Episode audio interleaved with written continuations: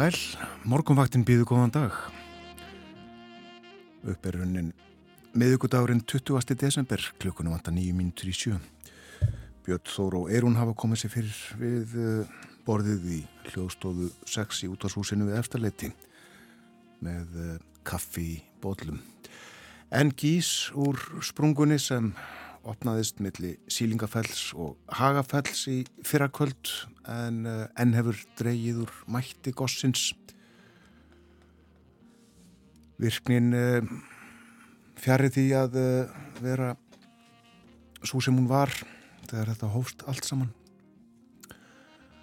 Það háttar þó þannig til að það er lílegt skigni á góðstöðunum og í grendviðar og uh, því ekki hægt að meta ástandmála fullkonlega út frá uh, myndunum sem við höfum aðgangað gegnum uh, veð myndavélarnar á svæðinu. Þetta skýrir samt allt saman betur þegar líður á morgunin. Nú nú að þá aðstæðanum það er frostum allt land með einni undantekningu þó og hægur vindur á landinu. Logg sumstaðar. Og uh, það snjóaði nokkuð á landinu til dæmis á höfuborgarsvæðinu í nótt. Og því yfir fann hvita jörð að fara. En þryggjast að frost í Reykjavík klukkan 6 hægur vindur, allskíð þryggjast að frost í Stafóldsei þryggjast að frost í Stekisholmi þar uh, var svolítil snjó koma klukkan 6 austanátt 5 metrar. 5 steg af frost á Patræsfyrði og 6 steg af frost í Bólungavík, hægur vindur á báðum stöðum, vestanátt í Bólungavík en austanátt á Patræsfyrði. Og 6 steg af frost og logn á Holmavík, 4 steg af frost á Blönduósi, 3 steg af frost við Söðunisvita, 4 steg af frost á Akureyri nánast logn þar, all skíjað, 6 steg af frost á Húsavík og 5 steg af frost á Rauvarhöfn og uh, hittast í svipað á bæði skjaldingsstöðum og eigilstöðum 5 og 6 steg af frost heiðskýrt á eigilstöðum, nánast logn þar. Og það var 3 steg af frost á höfni í Hortnafyrði hitti við frostmark á Kvískerjum 4 steg af frost á Kirkjubæðaklaustri 3 steg af frost í Árnesi uppsveitum Árnesíslu en einstegs hitti á Stórhauða í Vestmannaugum og uh, þar mældust 7 metrar á sekundu. Blésa suðaustan. En Eirún, þú ert með horfur dagsins. Það gengur í vestan 8-15 á sunnaverulandinu með rigningu eða slittu og, og hlínar hitti 2-6 steg um hátegi hægari austlæg eða breytilega átt norðan til og snjókoma á vægt frost Og í kvöld uh, snýst í norðan og norðvestan með jæljum og kólnandi veðri og stittir upp siðra. Viðadaldir jél á morgun en bjart viðri suðaustan til og frost á bylunu 1-9 stig og svalast verður fyrir norðan.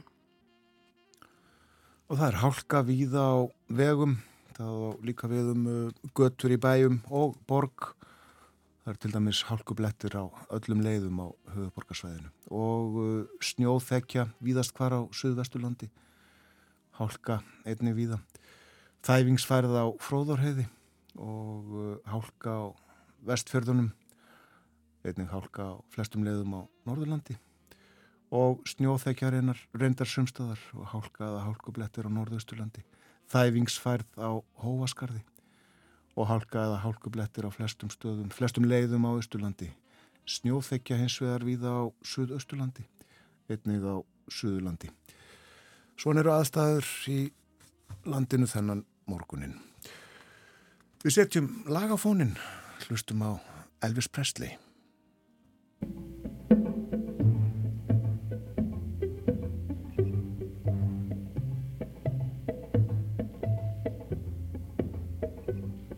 Blue moon, you saw me standing alone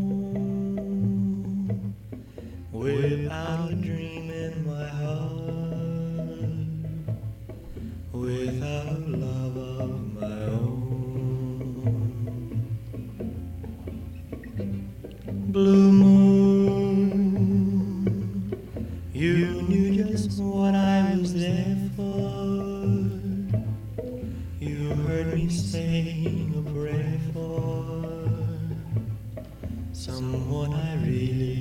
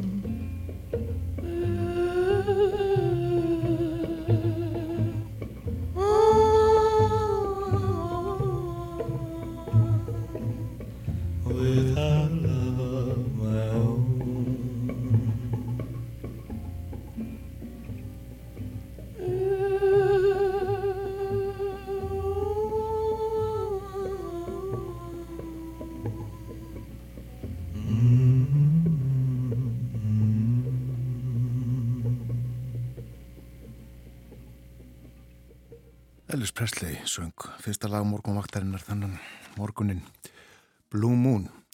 Og uh, meðal annara listamanna sem við heyrim í þættinum í dag eru Borgardætur við uh, hlustum líka á Eþó Gunnarsson og Óskar Guðjónsson.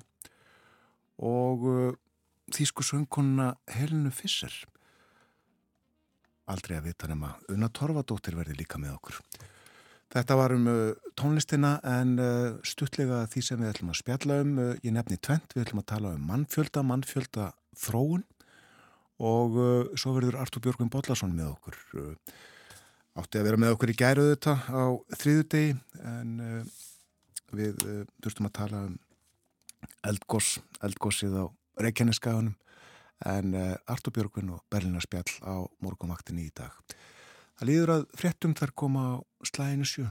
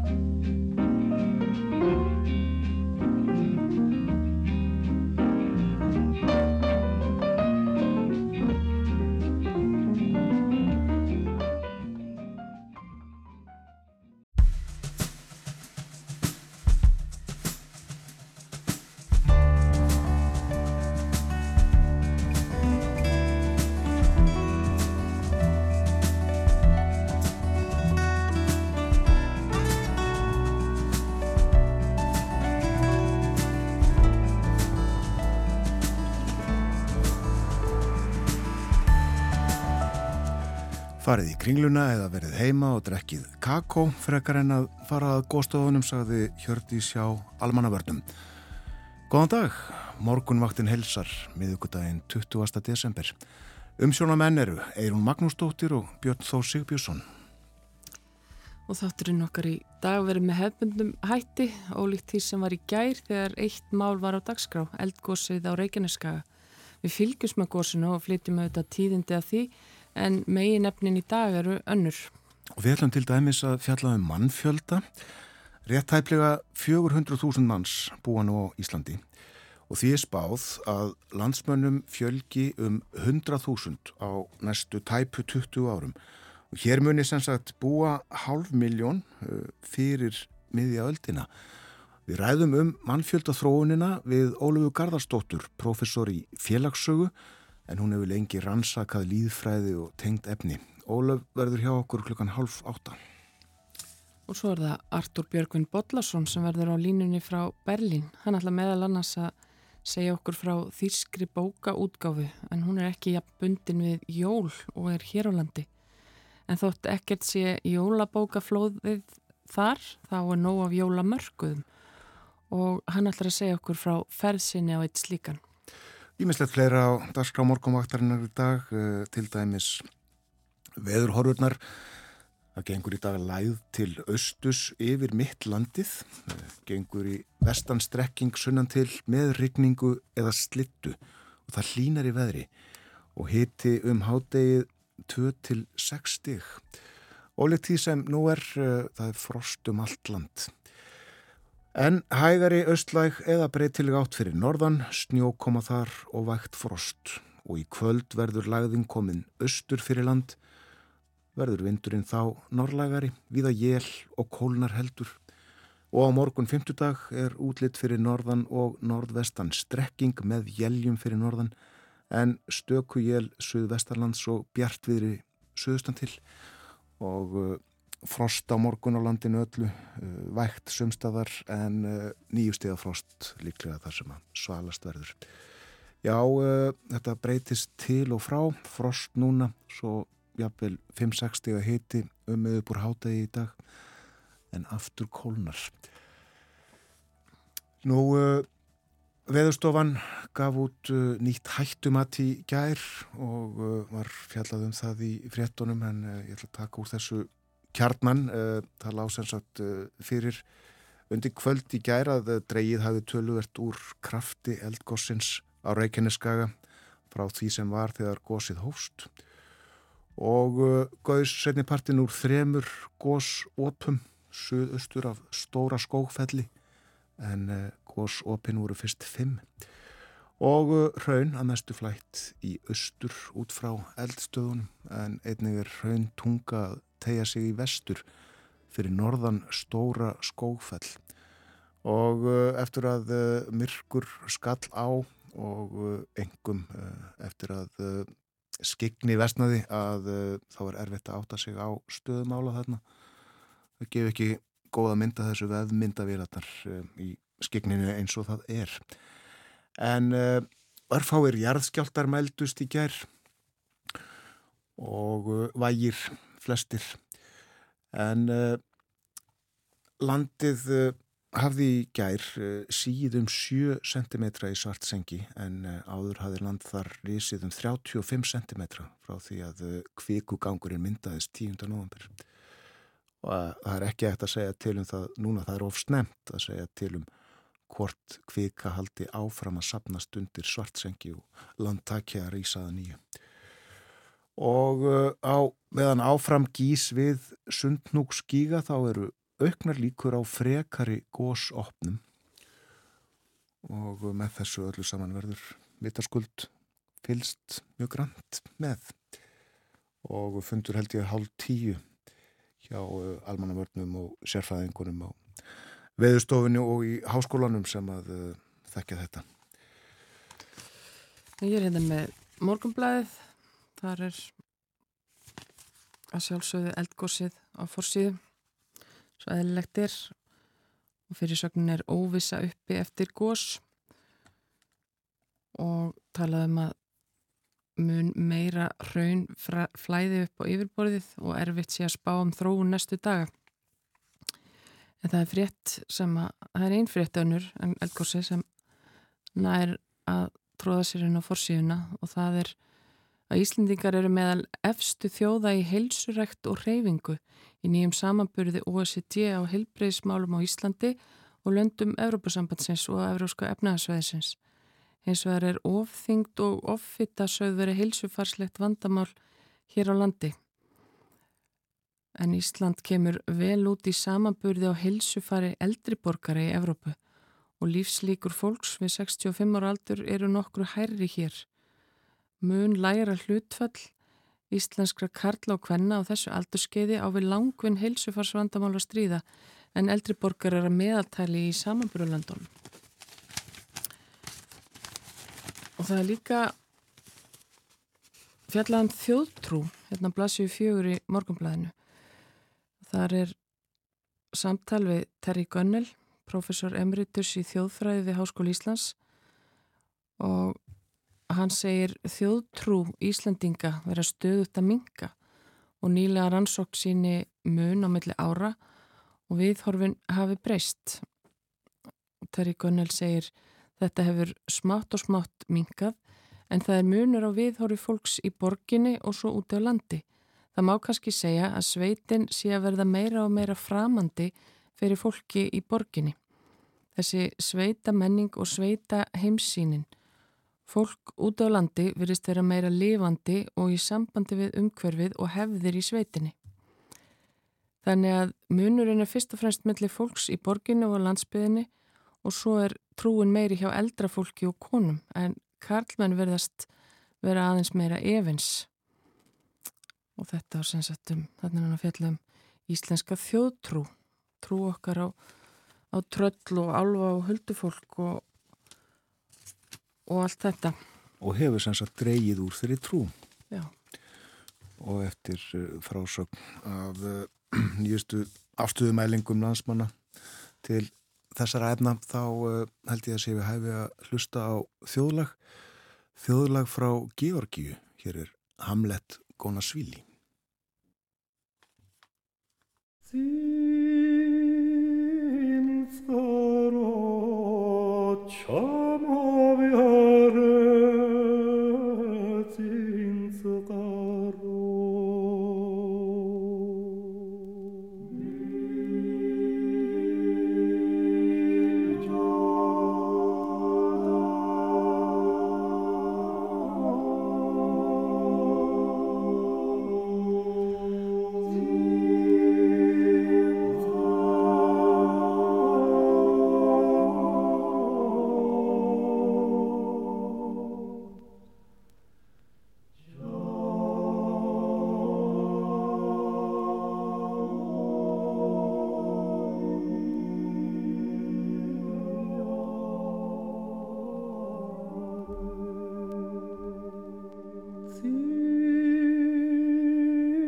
Shem Chavada Kani Lamazi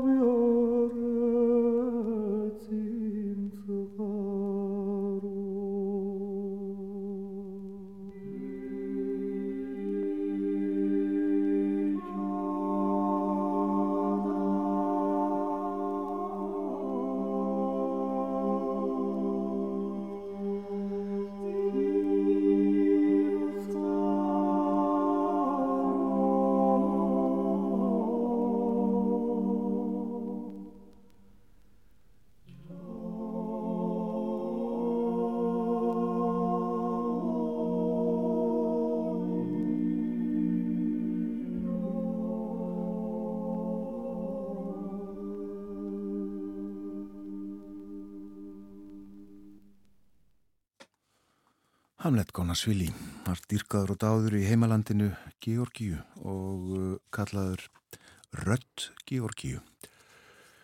Lest 1985 Vekki aðtikli á því að uh, greint var frá því á stjórnaráðsins í frétt frá félags- og vinnumarkaðs ráðunetinu að uh, í gær og þessu er beint til fólk sem að misti af eða hefur ekki kannad bankareikningi sinn að uh, í gær uh, fengu þeir sem að njóta örorku og endurhæfingarlíferis uh, eingreðslu fyrir jólinn og þetta eru 26.000 manns. Og það er tringastofnun sem að afgreðir þessa eingreðslu sem alþingi samþýtti á lögadaginn á lokastarstegi fyrir jólaleifi og allt kappar lagt á að þessi greiðsla myndi berast eins fljótt og hægt væri. Og uh, þetta eru rúmlega 66.000 krónur sem að fólk fær. Og hafi lífuristegi fengið greitt hlut ár ári þá er einn greiðslan í hlutvalli við greiðsluréttindi viðkomandi á árinu. Og uh, þessi greiðsla pelst ekki til skattskildra tekna lífuristega og leiðir ekki til skerðingar annara greiðsla. Fyrir jólinn er jafnan gefin út tölfræði fyrir alþingi. Það getur verið áhugavert að rýna í þessar tölur. Þetta er byrt hér á alþingisvefnum. Tölfræði 154. lögjafaþings fram að jólalliði og það hafa verið haldnir samtals 55 þingfundir sem að stóðu í rúmar 247 klukkustundir og meða lengt þingfunda var fjóra klukkustundir og 24 mínútur og það er kannski áhugavert að þetta er ennþá byrj klukkustund stittra en á þinginu þar á undan. Lengst í þingfundurinn núna á þessu þingi sem var að klárast var 12 klukkustundir og 7 minútur og lengsta umræðan var um fjárlög að vanda en hún stóð í samtals 35 klukkustundir og 43 mínútur sem er þó stutt meða við árið á undan þegar umræðum fjárlög stóð í 62 klukkustundir og 9 mínútur. En þingfundadagar eh, voru 46 og það voru 160 frumvörp sem voru lögð fram en þar að veru 136 enn óúdrætt 24 hafa voruð að lögum. Sem er svipað og í fyrra þá voru þetta 150 frumvörp aðeins færri en þá voru um jólinn 26 orðin að lögum og 124 óúdrætt aðeins minna. En þetta er á alþingisvefnum þess að tölfræði má finna þar og fyrirspurnir, það kemur líka hérna fram fyrirspurnir til munlegs svars voru 30 en það kemur jafnframt fram að aðeins nýju þeirra hefur verið svarað. Og þetta er álíka eins og á síðast ári. Þá voru fyrirspurnir til munlegs svars 29 og 12 var svarað þegar þingmenn fóru í jólafri það er kannski ekkit, ekkit sérlega mikið. En skriflegar fyrirspurnir þær eru öllu fleiri. Það voru 236 skriflegar fyrirspurnir laðar fram núna á þinginu núna í haust og 119 hefur verið svarað. Þannig að það eru 116 eh, skriflega fyrirspurnir sem býðar svars núna þegar þingi hefur verið frestað. Einn var afturkölluð. En á síðasta ári voru fleiri fyrirspurnir sem byður svars þegar þingi var frestað. Þær voru 142 af 269. En það eru hvorki meirinni minna en 586 þingmál til meðferðar í þinginu. Og það þýðir að tala prentaðra þingskjala var, var 858 og óundirbúnar fyrirspurnir til ráðherra voru 129, það er álíka árið á undan. Og nefndir, það eru marga nefndir í þinginu og þær hafa haldið samtals 210 fundi. Þetta var svona.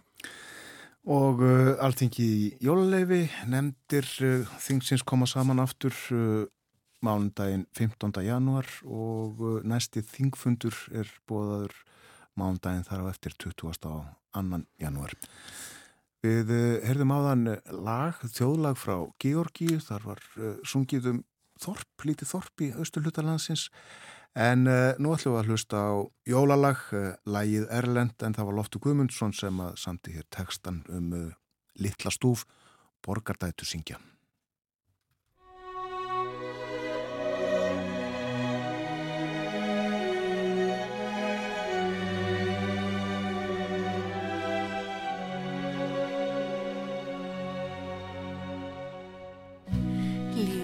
He. hear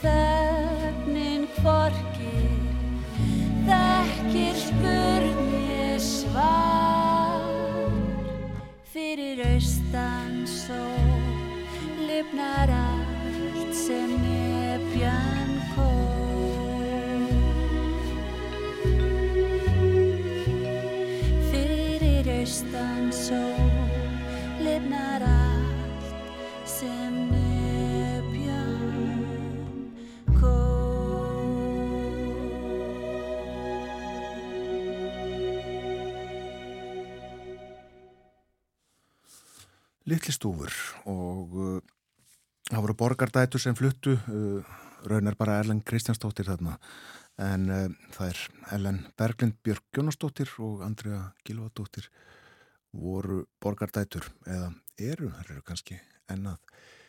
Við vekjum aðtegli fólks sem ekki hefur litið út um klukkan á því að það snjóaði nokkuð víða á landinu í dag, fólk sem að allar út í umferðinu til vinnu eða já, á, á öðrum erendum að sinna þarf að gefa sér tíma til þess að skafa það fólk sem, sagt, sem ekki á bílskur eða bílskíli En það líður að fréttaeflitinu hjá okkur. Minni á að eh, Artur Björgum Bóllarsson verði með okkur í Berlinarspjalli. Berlinarspjall á miðugudegi að þessu sinni ekki þriðudegi fjall niður í ger. Eh, við þurftum jú að tala um eldgósið sem að hófst í fyrrakvöld á Reykjaneskaganum. En já, fréttaeflitið hér eftir smástund.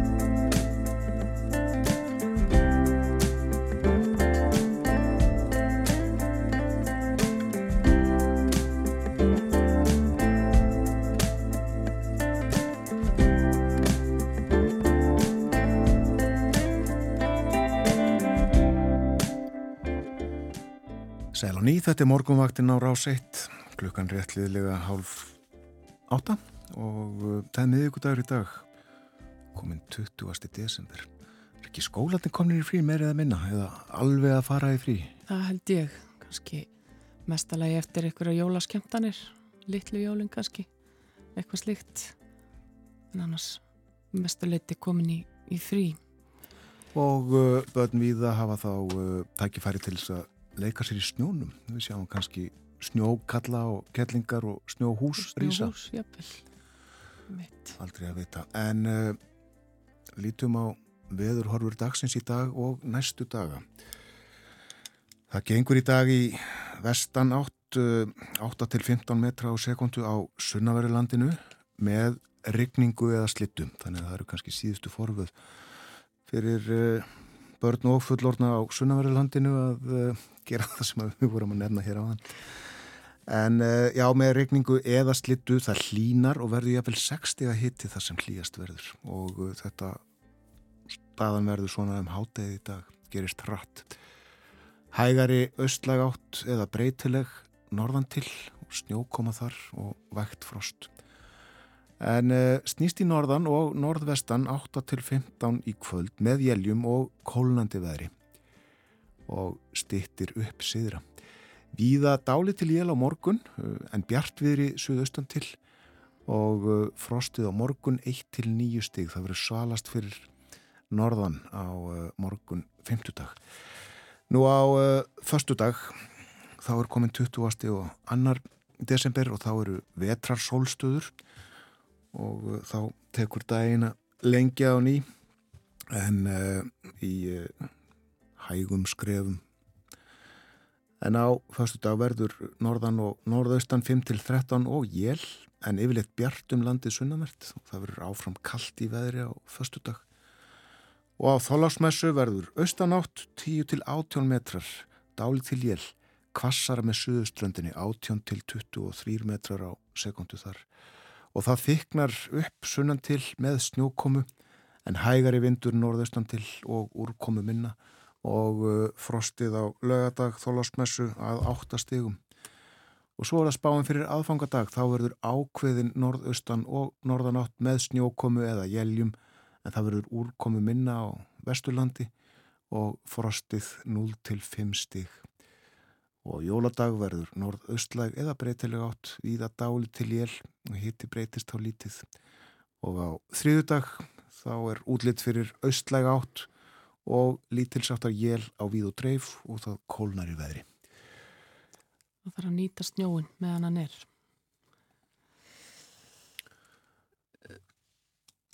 Hugað færðinni á landinu það eh, er hálka mjög víða og uh, það á við til dæmis um höfuborgarsvæði þar sem eru hálkublettir á öllum leiðum eins og segir í skeiti frá vegagerðinni. Og það er snjóþekja víðast hvar á Suðvesturlandi og uh, hálka Nú á uh, Vesturlandi, þar er snjóþekja eða hálka á flestum leiðum og þæfingsferð á fróðorheiði og hálka eða snjókoma á vestfjörðum, einnig á Norðurlandi og Norðausturlandi og hálka eða hálkublettir á flestum leiðum inn til landsins á Östurlandi, greiðfært að mestu með ströndinni að höfn og uh, það er snjóþekja hálka eða hálkublettir á flestum leiðum á Suðusturlandi og uh, snjóþekja á flestum leiðum á Suðurlandi, eitthvað um hálku og krapa. Þetta eru skeitin frá uh, vegagerðinni. Nú, uh, við höfum leikið svolítið tónlist, við uh, gerum það gerðan svona síðustu dagana fyrir jól, uh, spilum aðeins meiri tónlist heldur en vandir á morgumaktinni og uh, nú ætlum við að hlusta á laga eftir Jólmúla Árnason. Eithor Gunnarsson sittur við flíilinn og með honum á saxofón leikur Óskar Guðjónsson, þetta er Tempo Primo.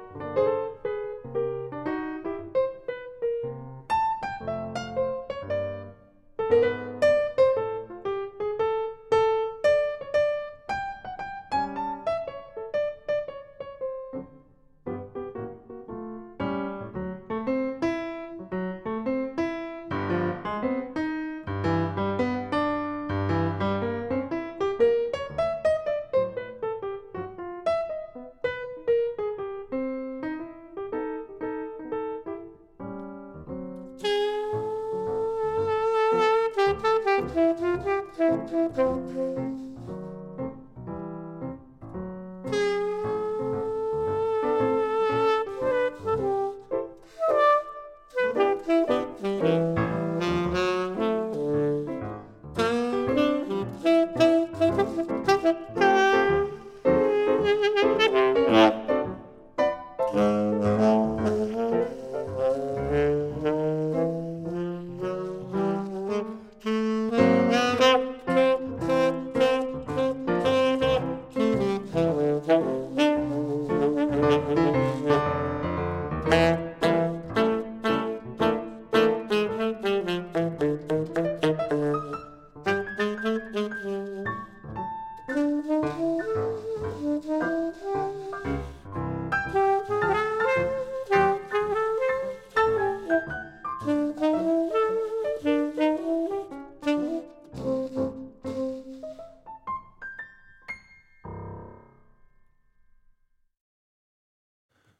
eins og ég kynnti. Áðurinn lagið hófst þeir Eithor Gunnarsson og Óskar Guðunsson Tempo, Tempo Primo lag eftir Jón Múla Árnason. Ég minni á að Artur Björgum Bodlason verði með okkur eftir fréttnar klukkan átta. Berlínar spjall á nýjunda tímanum. Við ætlum líka að tala svolítið um þjóðtrú, svona út frá þessari frétt sem við sögum frá, sem er í morgumblaðinu í dag. Og lesum kannski þjóðsögu eina eða tvær, sjáum til, en nú ætlum við að fjalla um, um mannfjölda, mannfjölda spár. Þannig er að Hagstofan byrti nú á dögunum frétt um nýjustu mannfjölda spá sína og uh, samkvæmt henni eru horfur á að íbúar á Íslandi verði 500.000 innan 20 ára og rúmlega 600.000 árið 2074 en hér búa nú rétt tæplega 400.000. Og til okkar er komin Óluf Garðarsdóttir, hún er professor í félagssögu við Háskóla Íslands Óluf hefur lengi rannsakað mannfjölda og velt fyrir sér mannfjölda þróun og starfaði reynar við þann málaflokk á Hagstofunum ára byll. Velkomin til okkar Óluf. Takk fyrir. Segðu okkur kannski allra fyrst, hvað liggur til grundvallar þegar spáð er fyrir um mannfjölda? Mannfjöldaspári eru afskaplega flók, flóki fyrirbæri eh, en það sem liggur náttúrulega til grundvallar eru þessar breytinga mannfjöldans. Það er að segja fæðingar, döðsföll, eh, flutningar til og frá landinu eða til og frá það, því svæði sem umræðir. Stundum við verið að gera mannfjöldaspár fyrir minni svæði. Eh, þannig að þetta er svona, svona í grundvallaratriðum þar sem við horfum til. Þetta er ekki mjög nákvæm vísindi eða? Egil alls ekki. Þetta, þetta er rosalega flókin vísindi og ég held að engin mannfjöldaspá hafi staðist svona tímans tönn eða það er nú allavega leituna slíkum mannfjöldaspám. Það þarf að vera eitthvað mjög staðna samfélag sem lítið er að gerast og lítið breytist í, í tímans rás.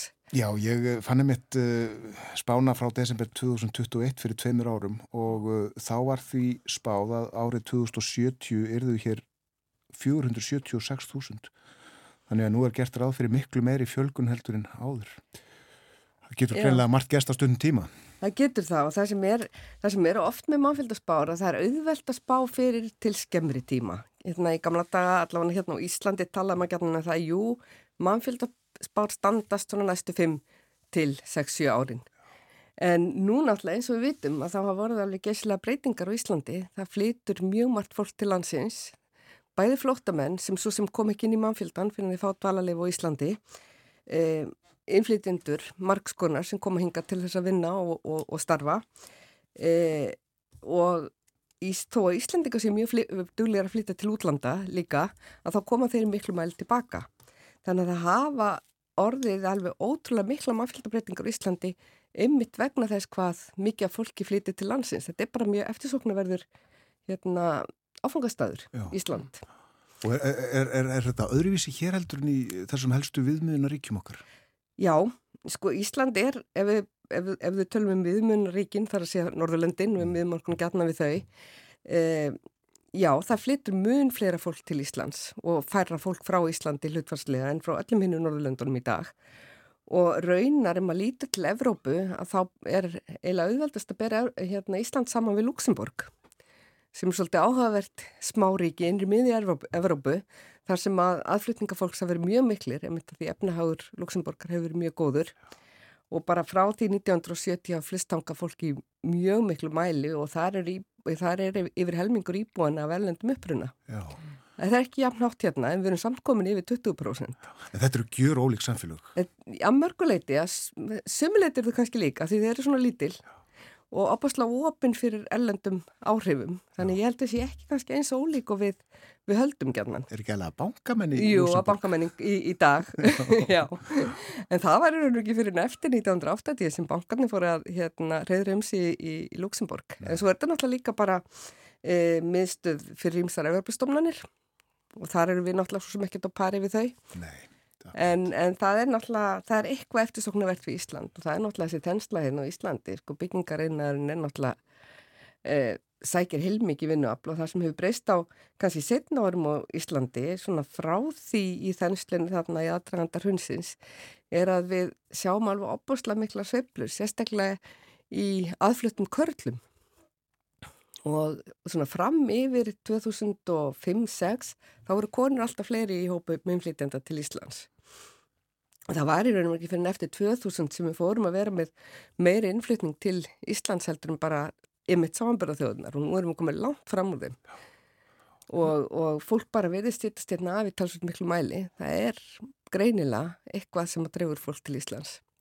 En hefur, hafið einhverju skýringu á þessu með að, af hverju körlum fjölgar Já, meira en ég myndi nú halda var bara fyrst og fremst ymitt eðli atvinnulífsins þessi mikla þensli byggingariðnaðan til dæmis. Og, og þar er eiginlega sveiflunar sko, ég sá það líka í mannfjöldaspáni hjá hagstofunni þegar ég svona rindi það við hvaða miðuðu, þá rinduðu svo litið emmitt í karla konur sko, þau geta svolítið svona e, slett þess að toppa með því að horfa að sleppa því að sko að kallana heldur miða mi, mi, meira við fjölgunum meðal hvenna sko, það er eitthvað sem er auðveldar að meta svona til lengri tíma því að maður sér bara toppana hjá kallanum og svo eru konunan miklu, miklu jafnari og flytta líka í minna mæli aftur til útlanda þannig að það er ekki e, svona þessi hérna, þessar seiflur þarna. En svo er nefnilega annað heldur en þessi fólksflutningar sem skipta máli á Íslandi og það er fæðingatínin og maður hefur kannski ekki búist við að vera svo erfitt að spá fyrir um það hvernig fæðingatínin þróast á, á komandi árum á Íslandi.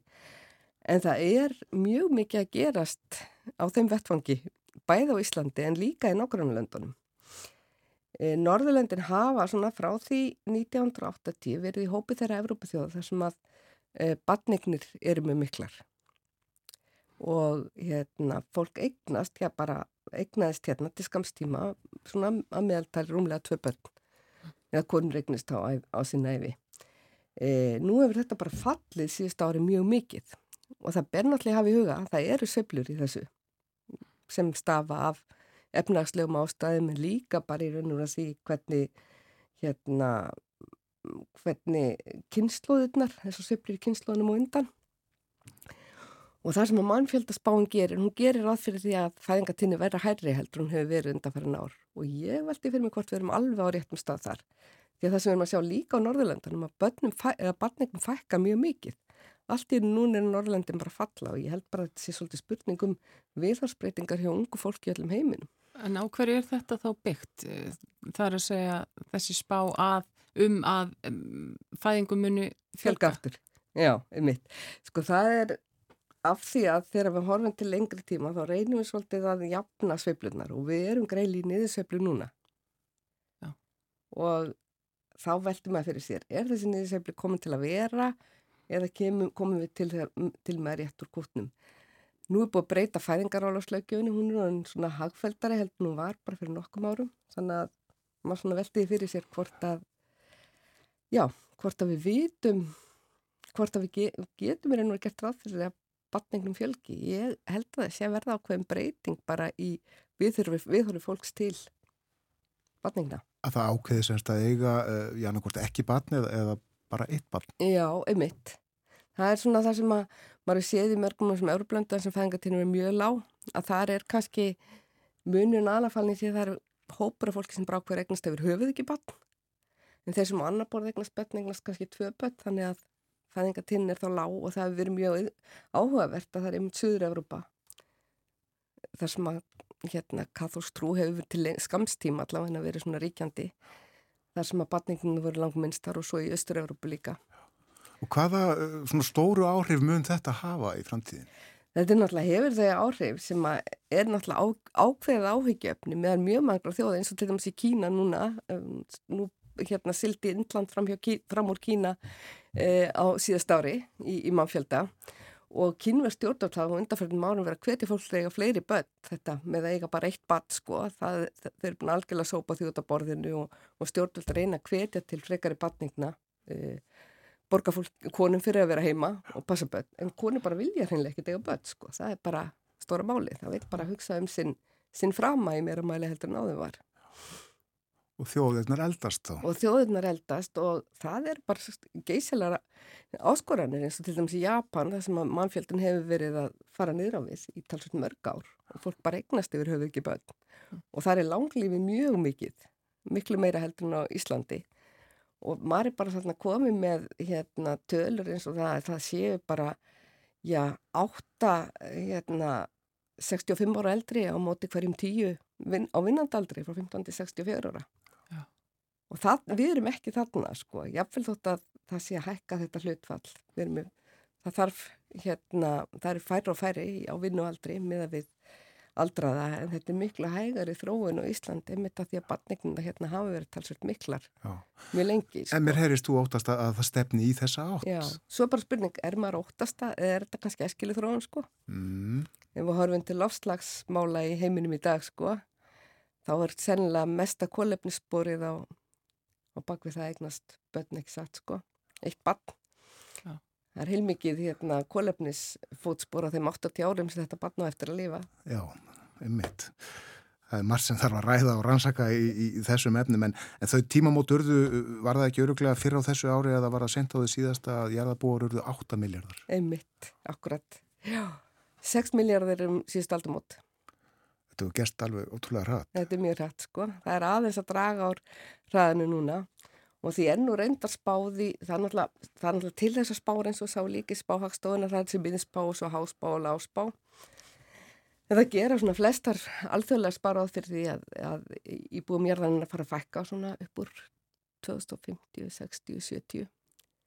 En þá náðir 10 miljóðum og svo er gert ráð fyrir það svona aftur. falli aftur en spurning er hvort að það ég skal ekki alveg segja en ég get nú alveg ég mynda mér að þetta gerist fyrir sko en það er nú bara svona mín tilfinning sko Já, þú ert nú vön að byggja uh, þína tilfinningu á, á, á einhverju vissu sem er þarna Já, einhver já, staðar einmitt. það er til þetta með dæmis. fæðingarnar sem maður hugsaður um sko Já. Mm. En þú uh, sagðir já, þetta eru ónákvæm vísindi og uh, mannfjöldaspár hafa eiginlega aldrei ræst eða, eða staðist en uh, það er einmitt í þessari uh, spá hástofunar og, og sjálfsagt svona spám almennt uh, háspá og lágspá og það er Einmitt. gríðalegu munur þar á milli. já já, rosalega munur sko og þá er til að gera ráð fyrir um til lágspáni að það bara verði áfram mjög lág fæðingartíðni það drægi talsverður fólks, fólksflutningu til landsins. Ég held að það gerist ekki í, í bráð sko, ég held að fólk komi hérna í mjög miklu mæli á komandi árum. En málið er að það kemur til með að lekka fæðingartíðni einmitt út af innflytjandunum okkar sko, því innflytjandunum okkar sem koma hingað allavega þessa myndir þeir koma frá lönduðan sem fæðingartíðnin rosalega lág. Og það er miklu lægri fæðingartíðnin hjá innflytjandunum okkar eða stæðstu hópunum eins og pólverjum heldur en nokkuð tíma hjá Íslendingum. Þeir eignast reyndar aðeins fleiri börn heldur en í Pólandi Þegar þeir eru konið til Íslands. Já, eftir að koma til, og það er líka, líka svo áhugavert við Já. allt varandi mannfjöldan að fólk lendir ekki að mann eitthvað starf á milli heimalandsins og, og, og hérna nýjalandsins. Þannig að þegar búið að vera eitthvað tíma þá að segja, já, þið, þetta er nú kannski bara sniðut, fara einhverjum að hugsa og, og eignast staðins fleiri börn.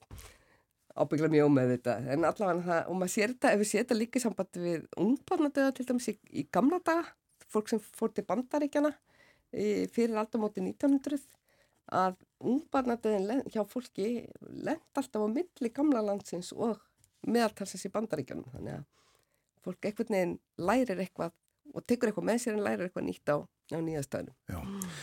Ólöf, uh, ég þarf að taka þér uh, lofurðum að koma fljótlega til okkar aftur í þáttinn. Við þurfum að ræða þetta betur heldur en við höfum tök á núna tímasvegna.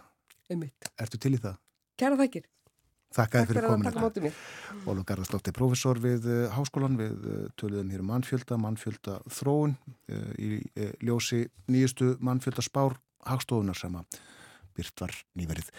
Það líður að fréttum þar koma þér eftir smástund fyrst auglýsingar og svo á nýjunda tímanum Artúr Björgvin Bollason og Berlínar spjall og líka þjóðtrú og þjóðsugur.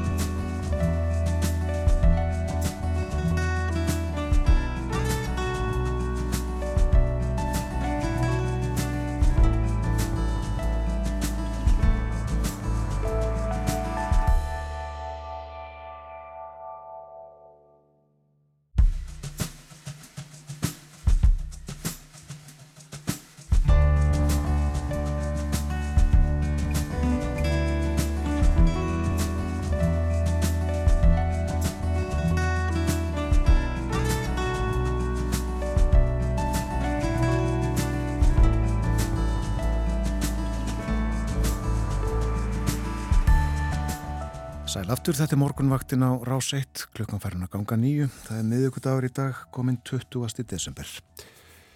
Já, miðugudagur, hafið það í huga kæri hlustendur þegar ég uh, segi góðan dag við Artúr Björgvin Bodlason í Berlín. Hill og sæl. Já, góðan daginn.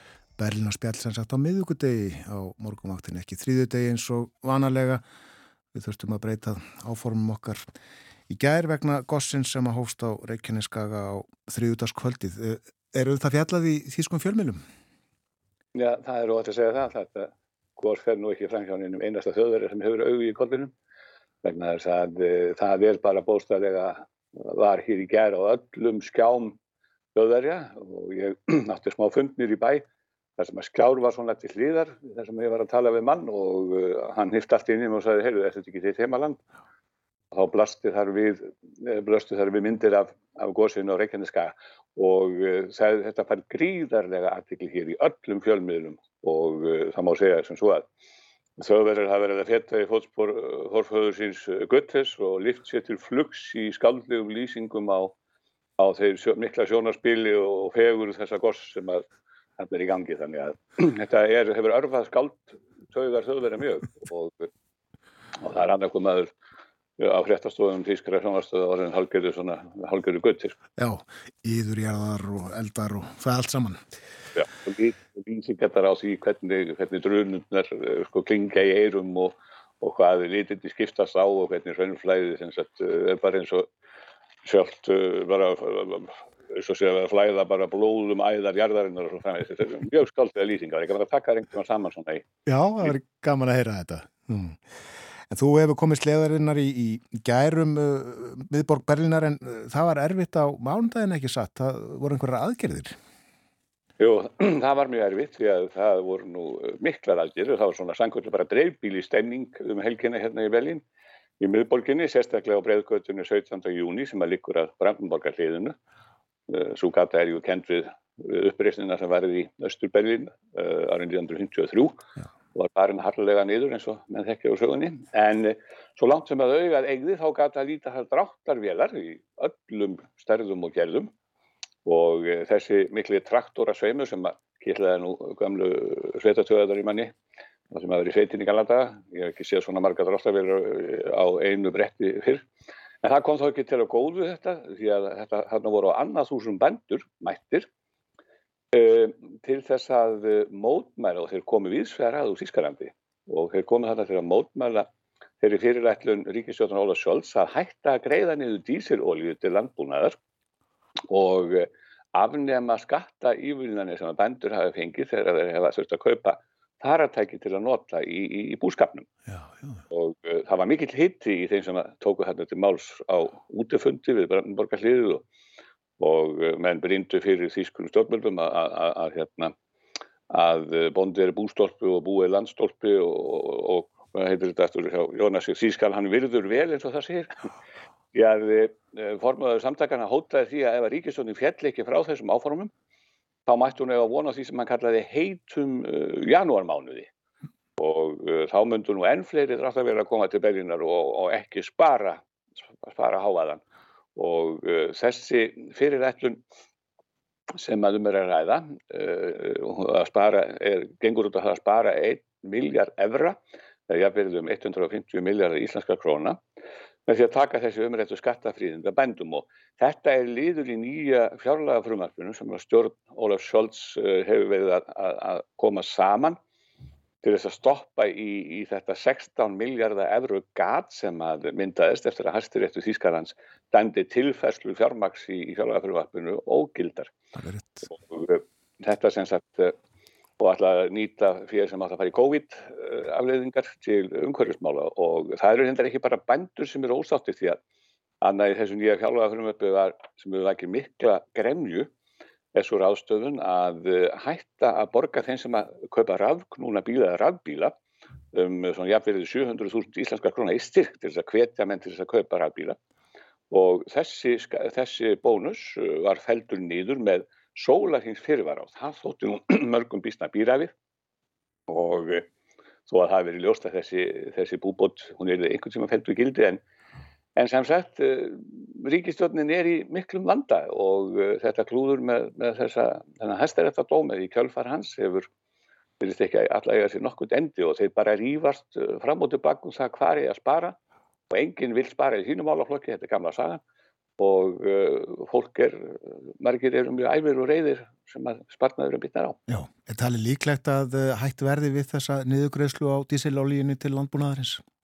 Nei, sko, það er, það er svo skrítið líka með, með söndurunguna í Þískustjórninni að landbúnaðaráðið Þískarlands, Östimír, sem er græningi, hann tróð upp á þessum útöfundi með uh, við brandborgarliðu og og uh, fekk nú við báar móttökur því að það var mikið púað á hann. En hann lísti því að hann var ekki sáttur við uh, þennan sparnað og vildi ekki að þetta bitnaði svona bændum og þetta er sérkynilegt, hann situr í ríkistöndinni sjálfur og er landbúnaður á þeirra en e, svo kom í ljós í gær, það var sagt frá því að, að Ólaf Sjólds sem að hefði nú leiðið með COVID og verið hérfið góðu gamni síðustu dagana, hann var orðin sess og hann hefði kveðið upp þann dóm að þessi sparnaðarliður er ekki tekin út úr sjálflega frumvarpunum þannig að þeir verðast að halda þessu sem streitu og ef að það gerist, hann má búast um mikið heitum janúamánuði hér við Brandenborgarlið og viðar í Berlín. Og þú segir okkur frá því auðvitað. En uh, hér á Íslandi er jólabókaflóð, uh, jóla, uh, altså bækur, vinsalar jólapakka. Er það þannig í Þýskalandi líka? Nei, það er þannig í Þýskalandi hér að bækur koma yfirleitt út í tveimur stömpum, þar að segja á vorin og höstin þá gefa öll stóru forlögin út sína bæklinga með kynningum og nýjum bókum. En auðvitað eru einhverjir að gefa bækur í jólagjöf eins og fara gerir þó að sé ekki eins mikið um það sennilega eins eins og á Íslandi. En e, það er svolítið merkilegt að þegar fólk e, vil köpa jólagjöf núna þá er ný bók sem við mættum nú kannski nefna sem að margir sjálfsagt hafa að margir munu stinga svona til gamans í pakka til vinna og vandamanna en Og það er bók þar sem Angela Merkel kemur við sögu fyrir þetta kanslari Þýskalands og Merkel hefur verið að svona smámsaman að draga sig út úr öllu flokkstarfi kristilega demokrata eftir að hún hætti sem kanslari.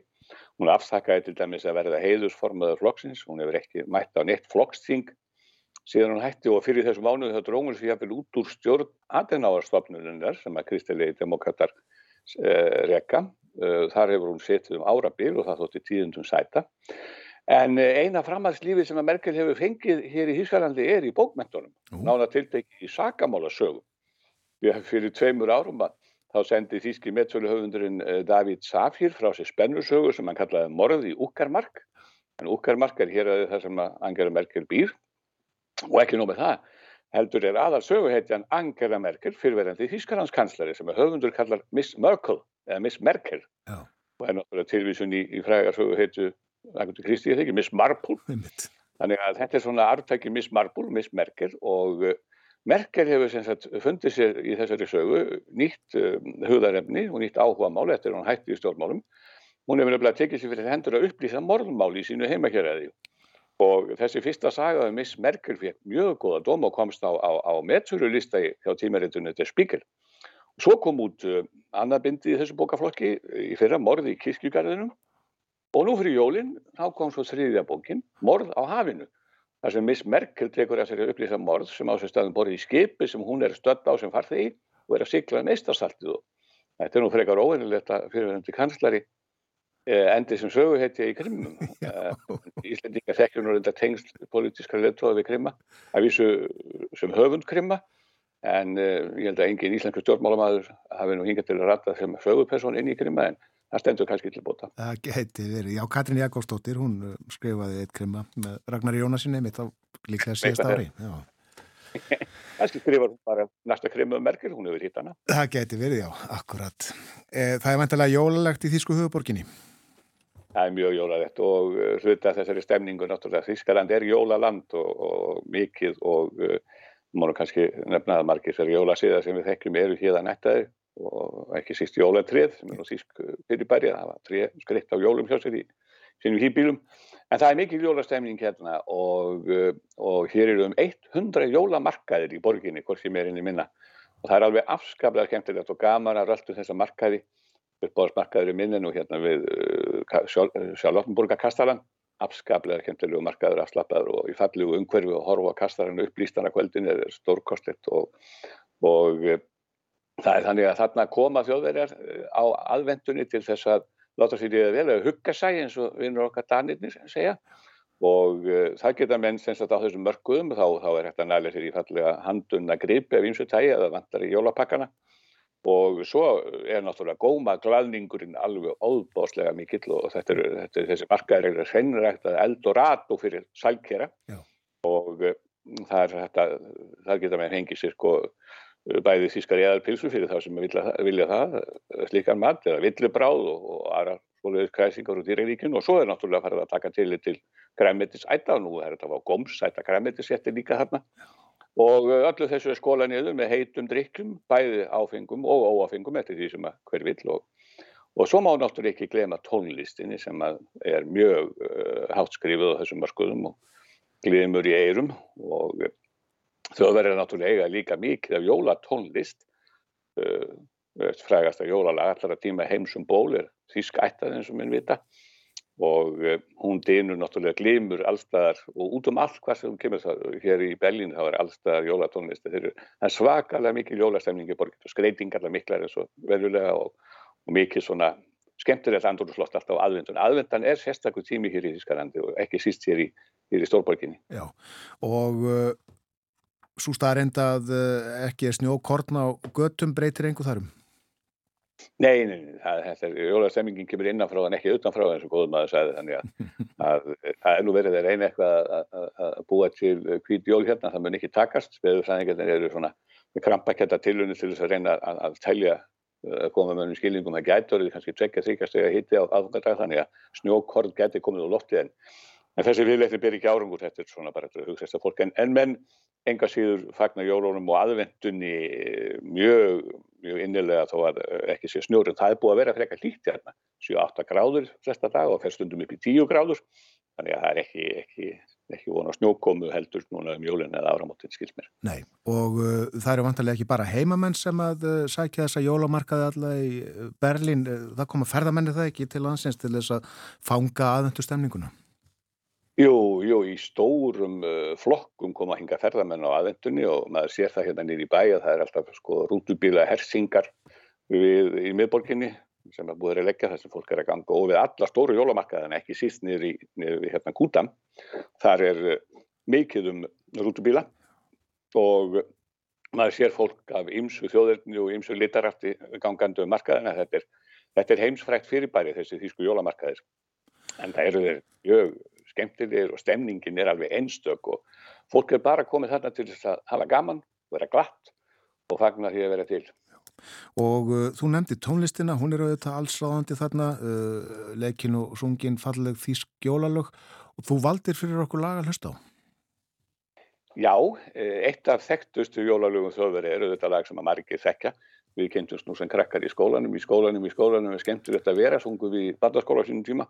En þetta er nú upphalega lagið Ó Tannenbaum um greni tríð og og margir þekkja þennan texta. Og Tannenbaum og Tannenbaum er tróið sinn dæni blettir, lærum við í skóla. Þegar við lærum þýsku, en uh, svo breyttist þessi texti, sko uppalega var þessi texti samin á 19. öldin af Ágústun okkur Sarnak og hann var í ástarsorg þegar hann samtið þetta og hann líkti sagt, uh, því hvað blöðin væri trú og trygglinn sem er yksu og greinutrínu uh, blöðu þess þessins væri svo trygglind en, en, en, konur væri sveikular og uh, þessu var breyttisverið í setni tíð og nú syngur fólk alltaf við grunnsyndanir blettir það sé hversu grænur blöðun og hafa tekið þessa ástarsfólk höfundarins út úr blöðunu en það væri kannski við hæfi bara að ljúka þessu með því að hlusta á eina alvinsalustu söngkonu þjóðverða, dægulega söngkonu Helenu Fischer syngja þetta gullfallega lag í uppbyrjanleiri mynd Ó Tannenbaum og Tannenbaum við tróðsinn öfrigið grún sem dæni bletta. Við hlustum á það. Kæra þakki fyrir að vera með okkur í dag, Artúr Björgum Bodlason. Takk sem reyðs og gleðileg jól. Gleðileg jól.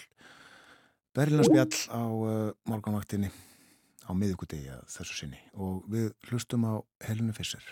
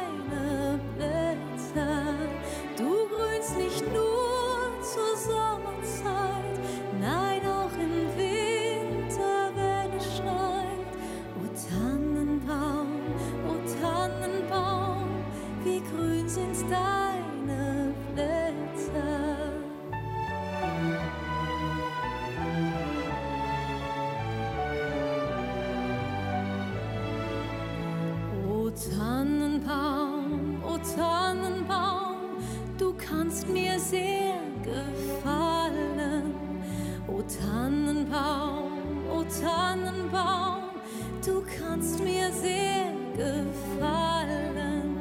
Wie oft hat nicht zur Weihnachtszeit ein Baum von dir mich hoch erfreut? O Tannenbaum,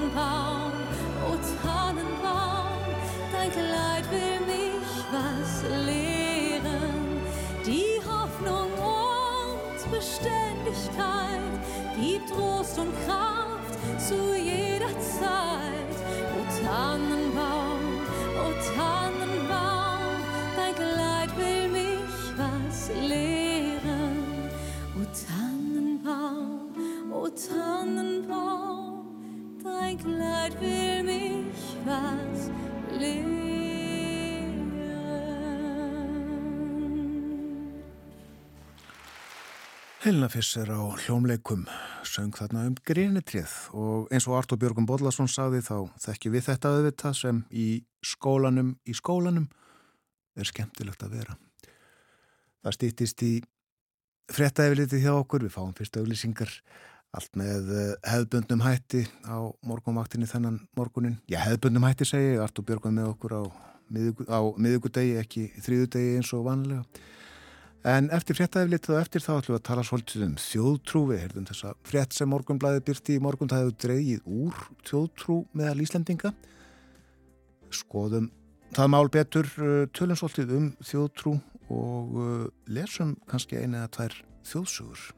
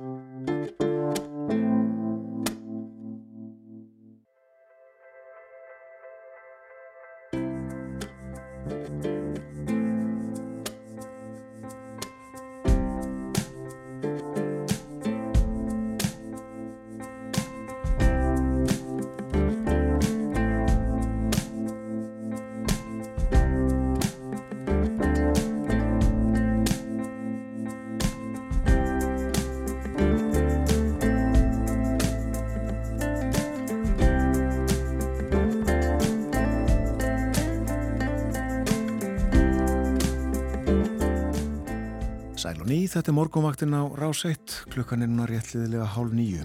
Umsjónamenn þáttarins í dag, Björn Þór Sigbjörnsson og Eirún Magnúsdóttir.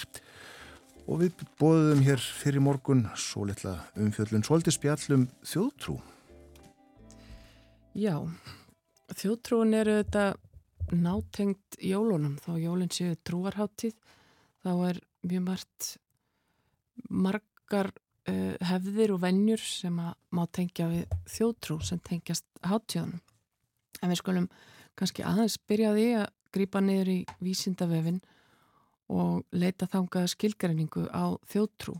En orðið þjóðtrú er notað um trúar viðþorf af ymsu tægi sem falla að jafnaði utan viðurkendra trúarbræða en eru þó bundin menningu, síðum og vennjum fólks. Oft er þetta trú á yfirnáttúruleg fyrirbæri sem byrtist í því sambandi við ímsa reynslu sem fólk skýrir fyrir sér með tilvísun til trúarinnar eða þjóðtrúarinnar. Og það var einstu spurt í fræri auðlýsingu fyrir þykvabæjar kartablur. Þá spurði Rúrik Haraldsson heitinn Trúir þú á álvasögur? Og Íslandingar trúa vist enn á álvasögur, tröll og höldufólk en þjóðtrúin okkar fer þó mingandi. En jólin eru tími margra sagna og kannski þekktasta þjóðtrúin eða nærtakasta nefna uh, eru tengst jólana við tröll. Jólin tengjast tröllum vegna þess að í 13 daga fyrir jól þá týnast sveinar að tröllættum til byggða. Þeir eru saðir búið í helli á svona fóruldrum sínum og móður þeirra gríla eflaust þekktasta tröllskessa landsins fyrir þetta kannski gílitrutt. Og svo er það leppalúði. En jólasvinnarnir voru bæði rekkjóttir og þjóvóttir og jafnvel varasamir hér áður en hafa á síðustu árum breyst í frekar væna rauðklætta pilda sem eru meira í ætti Coca-Cola jólasveinin og þeir hræði ekki lengur börn heldur gefa þeim gjafir í 13 daga fram á jólum. Það er nú líklega einhver síðari tíma hefð sem hefur myndast. En við vísum áðan hérna í konun félagsvistastofnunar Háskóli Íslands sem sínir að, að þjóttrú Íslandinga er á undanhaldi og en í frett í morgunblæðinu segir Terri Gönnel, professor emeritus í þjóðfræði, að þjóttrú sér endur ekki fyrir bara sem hverfi rætt þótt hún hafi eitthvað látið undan. En svo eru þetta líka spurning hvort að fólk viðurkenni almennt í svona könnun að það trúa á alfa, huldufólk og tröll. En þjóðtrúin var nú líklega nýtt að einhverju leiti hér áður til að hræða börn, hræða börn frá því að gera eitthvað sem þau mátt ekki gera. Og hagar þeir ekki þá kemur gríla og tekur þig og þú endar í pókanum hennar.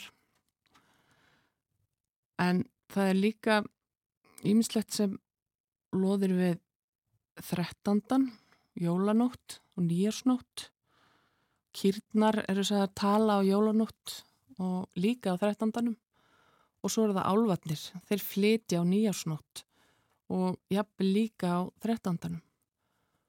Og þessi þjóðtrú sem að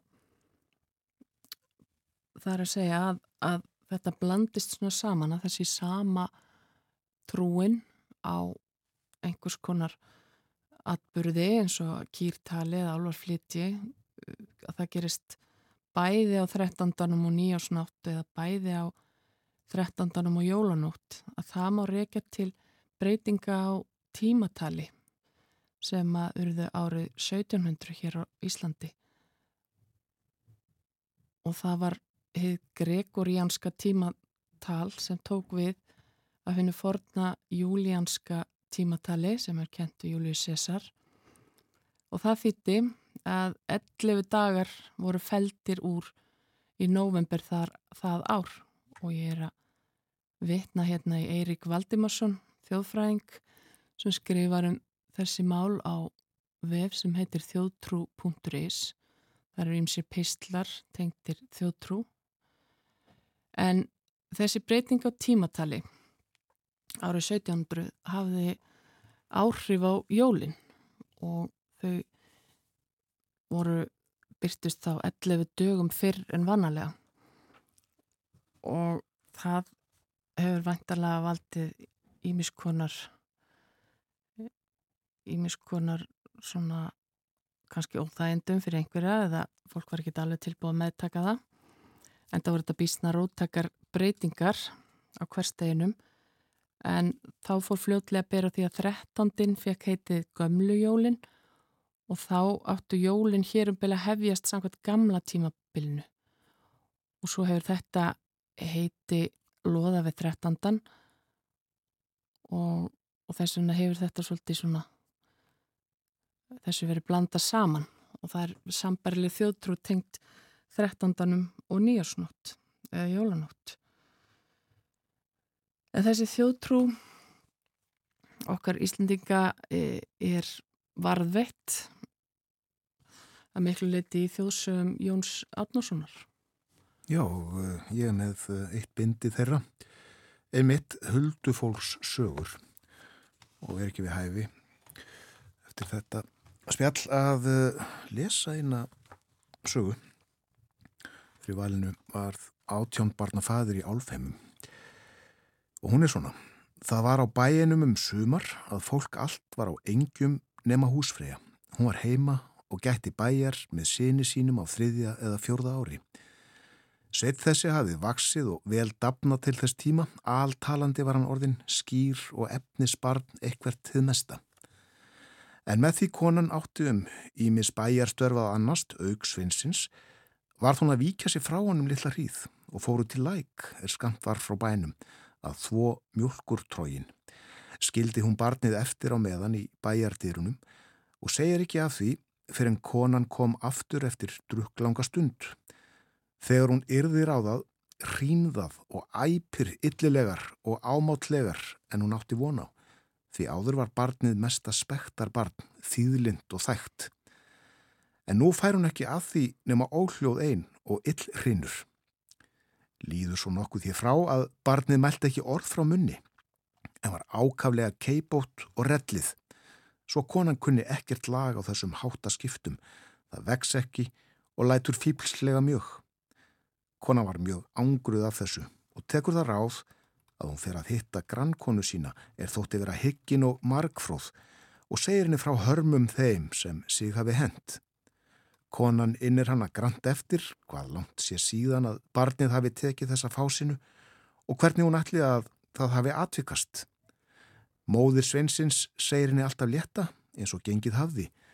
Þegar grannkonan hinn fróða hafði hýrt alla málavöxtu, segir hún heldur það ekki, góðin mín, að Sveitnin sé umskiptingur? Því það er ætlun mín að um hann hafi verið skipt meðan þú gegst frá honum í bæjadýrunum. Ég veit ekki, segir hinn, eða getur ekki kent með ráð til að komast eftir því. Það mun ég geta, segir konan. Skaltu einhver tíma skilja barnið eftir eitt saman og láta einhverja nýlundu bera fyrir það og muna þá eitthvað mæla er það sér engan í kringum sig. En þú skal hlera til og vita hvað því verður að orði.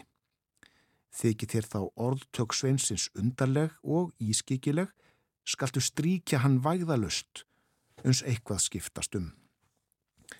Að svo mæltu skildu þær talið og þakkaði móður Svinsins grannkonni sinni hilraðin og fór heim síðan. Þegar konn er komin heim, setur hún höldupott lítinn á mitt eldhúsgolf. Síðan tekur hún sköft mörg, bindur hvert við enda annars, svo að efri endin tók allt upp í eldhússtrómpin, en við hinn neðri batt hún þöruna og let hann að standa í pottinum. Þegar hún hafi veitt þennan umbúnaði í eldhúsinu, sótti hún sveinin og let hann þar einan eftir verða. Gekk hún þá úr eldhúsinu og stóð á hleri þar sem hún sá gegnum dyragettina inn í eldhúsið. Þegar hún var fyrir litlu burtu gengin, sér hún að barni fyrir að vappa í kringum pottin og virða hann fyrir sér með þörunni í og segi síðan Nú em ég svo gamall sem á grönum á sjá, átján barna fadur í álfheimum og hef ég þó aldrei séð svo langan gaur í svo lítilli grítu. Fer þá konan aftur inn í eldhúsið með vænan vönd, tekur umskiptingin og hýðir hann lengi og óvægilega. Æpir hann þá óulega. Þegar konan hefur stríkt sveinin um hríð, sér hún að ókunnu kona kemur hún í eldhús með svinnbarn á handlegsir fagurt og frýtt, Lét hún vel að því og segi við konuna, ójæmt tömumst við að, ég dilla barni þínu en þú berð bónda minn. Að því mæltu setur hún af sér sveinin, svon húsfreyju og verður hann þar eftir, en hefur Karl sinn burtnaði sér og hurfuðu þegar. En sveitnin ógs upp hjá móðu sinni og varð efnismadur. Já, barnið var keipótt og rellið og let fýpslega. Þetta er, þetta geti verið, ég vona að úlingar fá að lesa þessar sögur í dag og læra þessi orð. Átján barnafæðir í álfeimum úr uh, Huldufólksögum, þjóðsögum Jóns Árnasonar.